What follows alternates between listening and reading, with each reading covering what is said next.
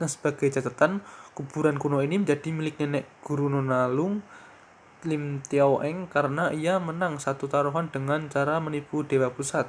Maksud Lim Tiao Eng adalah agar Dewa Pusat mau hidup bersamanya, tapi Dewa Pusat malah menyerahkan kuburan kuno padanya.